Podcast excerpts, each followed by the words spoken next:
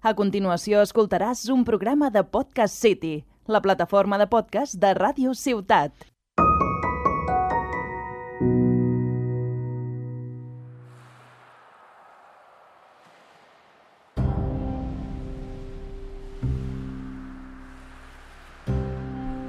El COVID. Ya vamos poco más de un aniversario que ha salido esta enfermedad. Y no sabemos ciertamente cuándo acabará. Te evita respirar, es bastante fatal para ancianos y evita que pueda salir a ligar en discotecas. O sea que es una enfermedad que, bueno, no, a la vida joven, por ejemplo, nos ha mermado completamente. Jóvenes, ¿qué, vamos a, ¿qué haríamos nosotros en una pandemia fuerte y destructora de mundos? El COVID se ha controlado, pero ¿qué haríamos nosotros? Todos nos hemos planteado alguna vez alguna charla con amigos entre birras o una noche de fiesta o simplemente en uno de esos momentos donde estás hablando con amigos y la conversación está muy interesante. En una cuestión de apocalipsis, ¿qué haríamos? En, el apocalipsis zombie, bueno, los chavales tenemos todos una misma respuesta. Pillo una escopeta o un perro y me voy a darme tiros. Sin problema alguno. Moriré, pero, hostia, un apocalipsis zombie. La película de hoy no es un apocalipsis zombie, lastimosamente. Es una película que nos hace presenciar que somos mortales y que cualquier, la más mínima cosa podría matarnos. En este caso, la más mínima cosa es un virus, como el COVID. Pero este no es tanto como el COVID, este es brutal. La película de hoy es Portadores. Ah, portadores. De esta película hay de todo. ¿Cómo comenzamos esta película? Hagamos una pequeña sinopsis. Algunos meses después de que una pandemia acabe con la mayor parte de la humanidad, algunos persistentes o algunas personas de las que han sobrevivido em, eh, buscan un lugar seguro y ponerse en cuarentena y evitar que nadie entre. O sea, intentan sobrevivir dentro de lo que cabe. Ya no hay leyes, ya no hay nada, ya no hay sistema, ya el mundo se acabó. No como en 28 días después, el mundo no se acabó. Cayó Gran Bretaña, pero, pero puede reconstruirse. Hay sociedades que todavía se mantienen. En este mundo que depone portadores, el mundo se acabó completamente. El virus arrasó con todo y ya no hay leyes, ya no hay sociedad, ya no hay grupos, ya no hay instituciones. Ahora lo único que queda es tú y tu supervivencia y las, las personas que amas. Si amas a alguien, porque a lo mejor, bueno, no sabemos qué haríamos en cuestión de una pandemia como la que depone una película como esta. Esta es una película que da pie a, de esos, a uno de esos escenarios de ¿qué pasaría si? Sobre lo más inteligente que podríamos hacer en un escenario de apocalipsis. Debido a que el virus que hay en la película se transmite por aire y por tacto, es extremadamente viral. No como en las anteriores películas, que si te muerden o si entras en contacto directo con la sangre de los infectados, o sea, hay una serie de pasos. Aquí no, o sea, nada más tocar a un infectado o que respiren cerca de ti es una sentencia de muerte. Eh, todos en la película usan máscaras y de hecho es, brutal porque los protagonistas, que son cuatro, em, cada uno tiene su propia mascarilla y tiene un diseño en la mascarilla pintado con un rotulador eh, y perfila a los personajes. Porque en teoría te deponen que mantienen un rasgo de su humanidad dentro de todo el caos que ha habido. O sea, la mascarilla se ha convertido en un método de expresión para ellos. Y es algo que es bonito plantearse ahora. Hay gente que durante la pandemia del COVID se compra, bueno, todos compramos mascarillas personalizadas, mi propia universidad da una. Y hay que preguntarnos qué tanto tendremos que aguantar con una pandemia como esta para que dejemos de ser personas y, empecemos a olvidar lo que, lo que nos hace ser nosotros. Los personajes de estas películas intentaron ceñirse, intentaron ceñirse a los viejos recuerdos, a las películas que veían de pequeños, a, las experiencias, a sus vacaciones, a, las personas que quieren, que aman. Pero esta película es una que habla sobre cómo poco a poco nos vamos deshumanizando, sobre cuando a la hora de la verdad, cuando el mundo se acaba, ¿qué nos queda en verdad? ¿A dónde vamos y queremos ahora que no hay nada? Tú sabes lo que harás mañana, sabes que mañana irás al instituto o irás a trabajar. ganarás dinero o, aprenderás algo. Y será un día más. Tienes un objetivo en la vida. Porque hay una sociedad que te permite tener uno. Pero ¿y si mañana no hay nada? ¿Y si mañana no hay nada? Bueno, ya veremos cómo nuestros protagonistas poco a poco van perdiendo toda esperanza. La película comienza con estos cuatro veinteañeros, son bastante jóvenes en general, por eso hice énfasis en la juventud, conduciendo por una carretera desierta en un coche que apodaron eh, Road Warrior, el guerrero del camino, una referencia a una película. Eh, dirigidos por Brian, que es el actor que, si no me acuerdo su nombre bien, es Chris Pine, que es guapísimo. Pasé toda la película fijándome nada más en los ojazos que tiene. Es brutal. O sea, la, gente se estaba muriendo a su alrededor y yo decía, hostia, vaya ojazos. En fin. Brian es un tío, es el líder del grupo, es un tío implacable. Él tiene un seguido de normas que se tienen que seguir. Y si tenemos que dejar a alguien atrás por eso, los dejamos. Pero veremos como poco a poco se va todo al caos porque dejamos de seguir las normas de la película. El más sensible del grupo, que es su hermano, es Danny. Em, que, bueno, es el chico bueno, es el que apela a su humanidad, el que dice, hey, mira, hay una otra manera de hacer esto, hay que tener cuidado, no, no recurramos a la violencia, eh, es, muy sensible, intenta mantener los ánimos del grupo altos todo el tiempo. Y los acompañan otras dos, otras dos chicas, Bobby y Kate, que voy a ser sincero, en el cine de terror, em, la mujer, a menos que sea la protagonista, es muy difícil que tenga algún tipo de desarrollo o profundidad como personaje. Y esta película es un perfecto ejemplo de ellos. Ninguna de las dos tiene una personalidad verdadera están allí para ser las acompañantes de los dos protagonistas masculinos. Lo cual, aunque la película es muy buena, es un punto que me tira para atrás, porque son. Necesito profundidad para los personajes. Son mujeres, no, no juguetes de cartón que están allí siguiéndolos a ellos. Y en un momento de la película las sexualizan expresamente, pero ya llegaremos a ese punto porque es una crítica que tengo que hacer. Bueno, eh, están siguiendo una carretera porque quieren llegar a Turtle Beach, si no me recuerdo, a Playa Tortuga, que es un sitio donde Dani, donde Dani y Brian iban de pequeños de vacaciones, porque dicen que ya es seguro que nadie irá para allá. Pero de nuevo, si todo el mundo está buscando un lugar a donde ir, ¿no es razonable que todo el mundo vaya al mismo sitio? De nuevo, estamos en un mundo perdido y no sabemos hasta qué punto llegó la pandemia. Pero sí, el escenario es bastante, es bastante descriptivo porque ellos están en un mundo desierto. Las, ciudades, las pocas ciudades que, los pocos entornos urbanos que vemos están vacíos, no hay nadie dentro.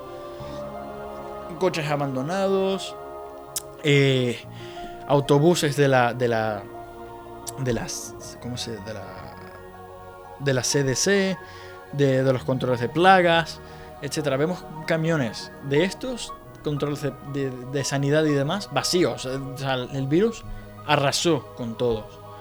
Y quien no murió logró escapar. Y quien escapó, ¿a dónde va? Son estas cuestiones. El coronavirus ahora, es, bueno, digo yo, ¿no? No acabará con el mundo. No, dará un golpe fuerte, pero no acabará con el mundo. Pero si lo hubiese hecho, ¿dónde estaríamos ahora? Esta película es aterradora en el sentido, aunque es difícil describirla como aterradora, porque no hay una especie de, de antagonista terrorífico. ¿no? Hay ese el sentimiento es el terror viene porque es muy real la película. Es un escenario, es un escenario perfectamente planteable. Y un virus bastante parecido al ébola, debo decir. Em, se nos presenta un escenario donde hay cadáveres descomponiéndose por todos los sitios a donde ellos van. Y es una película que no tiene freno, no, tiene, no, no distingue entre bien y mal. En una escena encontramos a un médico infectado que, reconoce que no hay cura para el virus y está tratando a un montón de niños en una escuela, intentando no que sobrevivan, sino que mueran con dignidad, que mueran con alguien que cuide por él, que los cuide. Y eso es extremadamente deprimente porque la película no tiene miedo a mostrarte niños que están muriendo. Bueno, pero me estoy saltando la sinopsis. Brian y Danny eh, se dan cuenta de que su coche, eh, bueno, recibió un fallo brutal después de un intercambio con, tiros, eh, a disparos con otra persona, y van perdiendo gasolina y se ven forzados a cambiar de coche. Poco tiempo después se encuentran un coche que tiene gasolina y demás. Bueno, no es que no tengan gasolina, es que claro, se les dañó el coche y no van perdiendo gasolina más rápido de la que puedan avanzar. Eh, bueno, encuentran un coche y a un padre con su hija. Y el padre les dice, hey, escucha, mira, tengo que llegar hasta la ciudad porque aparentemente hay rumores de que hay una cura y quiero llevar a mi hija. Y ellos al principio lo consideran y se dan cuenta de que la hija lleva en su mascarilla sangre. O sea, ya vemos de principio, la primera persona infectada que vemos en la película es una niña. Pequeña, muy pequeña, probablemente tiene 4 o 5 años. Y el padre desesperado por salvarla. El padre en ningún momento nos queda claro si está infectado o no. Lo más probable es que sí, porque claro, está con la niña. Eh, ellos intentan escapar y tal. Y bueno, deciden al final, a ver, necesitamos el coche. Vuelven y hacen un trato con este padre. Eh, se llamaba... no me acuerdo. Creo que, no, creo que en ningún momento dicen el nombre, en verdad. Bueno, la niña sí no le ponen un nombre, le ponen un apodo. Bueno, no recuerdo el apodo en este momento, en verdad. Es que la niña, el apodo. La niña simplemente se refieren a ella como la niña la gran mayoría de veces, pero en un momento le ponen un apodo. El punto es que se hacen el trato con este hombre y dicen, bueno, vete en el maletero, lo sellamos completamente y te vas tú con tu hija, pillamos el coche, os dejamos, donde ahí está la supuesta cura, y nos quedamos el coche. Y el padre, bueno, dice, vale, acepto. Llegan a la ciudad, como dije antes, totalmente desierta y empiezan a investigar dentro de esta escuela a ver si encuentran un médico que tenga la cura o, encuentran algo. Absolutamente nada. Absolutamente nada. Encuentran a un pobre eh, médico ya infectado, ya en fases terminales, que está dándolo todo para cuidar a un grupo de niños que están todos infectados y a punto de morir. Ellos preguntan si, existe de verdad una cura y el médico, totalmente nihilista sobre todo lo que viene, les dice que no, que no hay esperanza y que lo mejor que pueden hacer es esperar morir con dignidad o suicidarse. Pero él escoge hacer los últimos momentos de su vida un momento en el que cuida a unos niños. Mientras esto está pasando, tres más el tres del grupo principal que estamos siguiendo, más el padre se van a dentro de la escuela. La niña se queda dentro del coche con, una de las protagonistas cuidándola. Eh, la niña empieza a toser sangre, está en fases terminales ya, está a punto de morir, de morir. Y en una de las decisiones más idiotas que he visto en una peli de terror, esta chica rompe el sello que habían puesto para la niña e intenta salvarle la vida y acaba cubierta de sangre de la niña. Y esta no es la única mala decisión que toma, sino que además se quita la sangre de encima y hace como que no. como que no pasó nada. Sella a la niña otra vez y todo el mundo dice en plan, hey, ¿qué ha pasado? No, no, nada. Em, la niña le dice al padre que tiene que ir al baño. El padre coge a la niña y ya sabe que lo que toca. Baja, el Brian baja todas sus cosas del coche y arranca. Y el padre y la hija se quedan hablando y el padre le promete a la niña que irán a comer algo. Y es lo último que vemos de ellos. Hasta allí llegan como personajes. Lo que podemos asumir es que sus destinos es que van a morir. La única gracia que tiene esta película es que no nos enseña la muerte de la niña pequeña. El resto la película es deprimente. Muy deprimente porque poco a poco los personajes van perdiendo la esperanza en el mundo en el que se encuentran. Siguen avanzando y poco tiempo eh, llegan a, una especie de, country club, de, un campo de golf gigante, una especie de hotel, resort, eh, que está vacío. No hay nadie. Pero hay una, una puerta sellada con una especie de cuarentena o zona segura, con comida, provisiones y demás cosas, que de la que ellos no se percatan. ¿Qué quiere decir esto? Que el edificio estaba poblado, había alguien viviendo allí desde antes. Y en una de esas, Brian, que intenta dar con un palo de golf, desde una piscina que está claramente infectada, casi cae y encontramos que la persona que supuestamente está viviendo en ese edificio se murió infectado o de alguna manera y cayó a la piscina y bueno, Brian cae, estuvo a punto de caer a la piscina, pero no, no cae finalmente.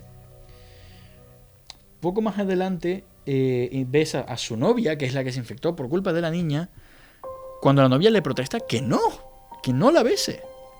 Otra crítica que hago a la, a la película, la de la violencia sexual. Besa a su novia y ella ya, ya lo podemos dar por muerto, ya está infectado. O sea que ya tenemos dos del grupo que están infectados.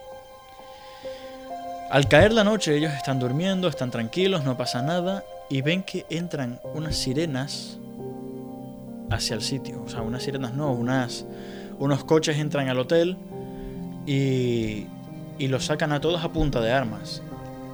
Y dicen, ¿qué hacéis aquí? ¿Dónde está la persona que está viviendo aquí dentro? Y dicen que, ya no había encontrado muerto. El líder de este grupo de personas, todos que van con trajes de hazmat y estos, eh, es fuerte lo que viene, ¿no? Dicen, están infectados, ¿qué, ¿qué, cojones os pasa? ¿Qué tal? Y hacen que la, únicamente las dos chicas se desvistan. ¿Por qué? Uno asume que por violencia sexual, pero no, supuestamente para revisarlas. Pero si las vas a revisar, revisa a todos, no únicamente a las dos chicas. O sea, que ya... O sea, eso ya es una de las pocas... A ver, estamos hablando de un virus que mata a las personas en cuestión de días, pero... Eh, joder no es momento para que tú hagas... Eh, ¿Qué intentas demostrar haciendo que ellas dos se expongan? Lo único que resulta de esta escena es que bueno, el resto de personajes se dan cuenta de que la que está infectada es la novia de... De... De Brian. Kate, no que era Kate. Sí, era Kate. Kate era la infectada. Eh, bueno, por alguna razón les perdonan la vida a todos y les dicen que se vayan y más adelante, Brian, ya frustrado porque ya está infectada, eh, la deja a su merced. La dejan dentro de, de, una gasolinera y le, le, dice, como último consejo es, aquí te quedas. Mi única recomendación es, aquí tienes agua y algo, y algo de comida. Encuentra una cama y pide morir tranquila él ya sabe que ella va a morir, ella sabe que va a morir, así que lo único que puedes hacer al estar ni siquiera es que al estar infectado, es que, o sea, al estar infectado ya, ya sabes que estás muerto, estar muerto en vida, lo cual es peor. Hay una, un mito que me contó mi padre cuando era muy pequeño, que era, le hice una pregunta y era, ¿tú pudieras, tú qué prefieres saber? ¿El día en que vas a morir o cómo vas a morir. Y mi padre me decía que prefiere saber cómo voy a morir, cómo, cómo, eh, cómo va a morir, porque saber el cuándo es una tortura. Es lo mismo que decía Polifemo, el, el, el cíclope. Decía que con su ojo podía ver el futuro. Y me parece que es Ulises quien le pregunta que por qué estaba tan deprimido si podía ver el futuro. Que es lo mejor. Todos quisiéramos saber qué vamos a comer mañana, cuándo vamos a encontrar a la persona que nos quiera o cuándo se va a acabar esta condenada pandemia y podremos irnos de fiesta. Polifemo responde que él es la única criatura en toda la existencia que sabe el día en que va a morir. Y que por culpa de ello, cada día que pasa es un día menos que le queda. Si aplicamos esa misma historia a la a la a esta película, desde que te contagias, cada segundo que pasa es uno menos. Y ahora, nuestro día a diario no lo, no lo contemplamos, o sea, hoy es un día más, mañana es un día más, pero cuando sabes que las cosas se van a acabar, cada día es un día menos. Y lo mejor es aceptarlo. El hombre que sabe que va a morir, o la mujer, vamos, es la persona que vive, vive más auténticamente, porque aprovecha al máximo su tiempo, porque sabe cuánto le queda. Esta es otra de las cosas que plantea la película.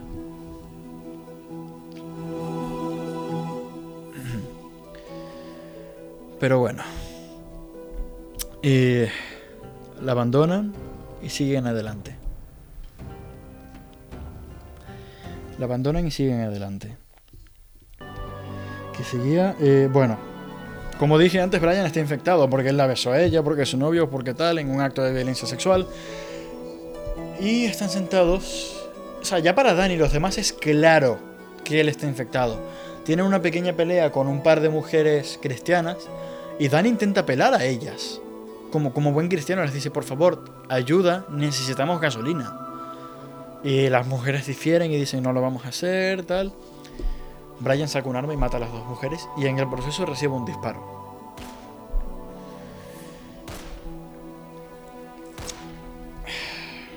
Ahora tenemos un protagonista que está herido y en proceso de morirse. O sea, peor no puede estar la situación.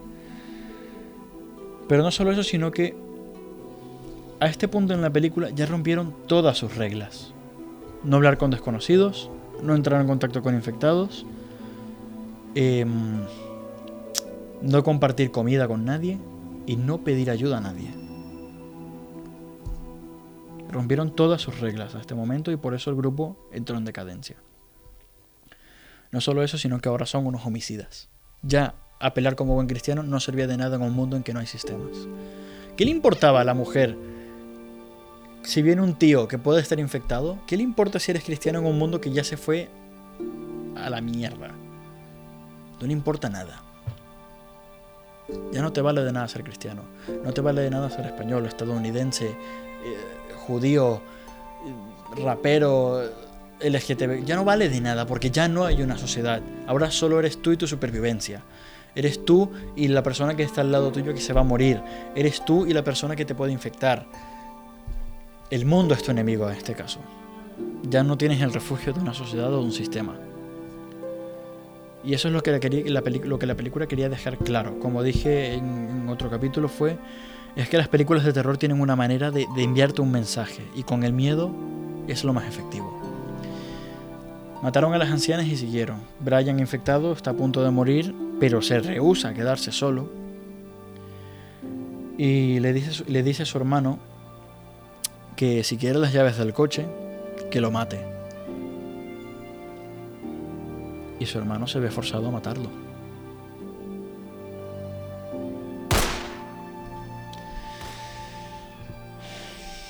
Mata a su hermano y aquí ya el personaje de Dani está quebrado completamente. Ya... ¿Qué? O sea, la idea era llegar todos a la playa y estar seguros juntos. Y ahora... Solo quedamos dos. Finalmente, Danny y Bobby llegan a la playa y se dan cuenta de que ahora simplemente son dos desconocidos sin nada que decirse uno al otro y que solo pueden disfrutar de su compañía. Están seguros, pero ¿vale la pena vivir ahora que ya no hay nada? Háganse esa pregunta. Cuando ya no queda nada más en el mundo, cuando ya estés completamente en soledad, ¿qué, excusa tendremos para seguir viviendo? O sea, si, hoy, si hoy en día no nos suicidamos es porque hay gente que nos rodea, que queremos, que porque tenemos un objetivo en la vida, porque la vida vale la pena vivirla, pero cuando ya no valga la pena vivirla, cuando ya todo se haya caído, cuando ya no quede nada, ¿encontraremos una nueva forma de seguir viviendo? ¿O recurriremos a la salida fácil que tomó Brian? de nuevo, la película da miedo por eso. Porque es un escenario muy real, muy posible. El mundo puede acabarse y poco a poco iremos perdiendo las personas que, no, que queremos. En una situación como esta, claro. Para agregar más miedo, el virus nunca tiene nombre. O sea que así vemos la eficacia que tiene el virus de que de, arrasó con todo el mundo antes de que pudiese darle un nombre. Nunca sabemos cuáles son exactamente los síntomas. Vemos desde gente con coágulos de sangre horrible, vemos hemorragias, vemos tosiendo sangre, falta de respiración, llagas por todo el cuerpo, vemos cualquier cantidad de síntomas, pero nunca sabemos de, en verdad qué hace el virus. Que es peor, porque de verdad no sabes cómo te mata. Quédense con esta pregunta. ¿Cómo encontraremos forma de vivir cuando lo único que podemos hacer sea sobrevivir? cuando ya no nos quede nadie. Cuando el organismo más pequeño del mundo arrase con lo más grande que hay en el mundo. ¿A dónde iremos? O planteense una pregunta más optimista. En un apocalipsis, ¿de qué forma te divertirías? ¿Harías como Brian y tirarías bolas de golf? ¿Irías a pillar un coche última generación y a dar vueltas como en la serie de Breaking Bad? ¿O te conformarías con simplemente pillar a las pocas personas que te quedan y hacer un último viaje a ver a dónde llegas? El mundo se acaba, pero la esperanza esperemos que nunca. Esto fue Portadores.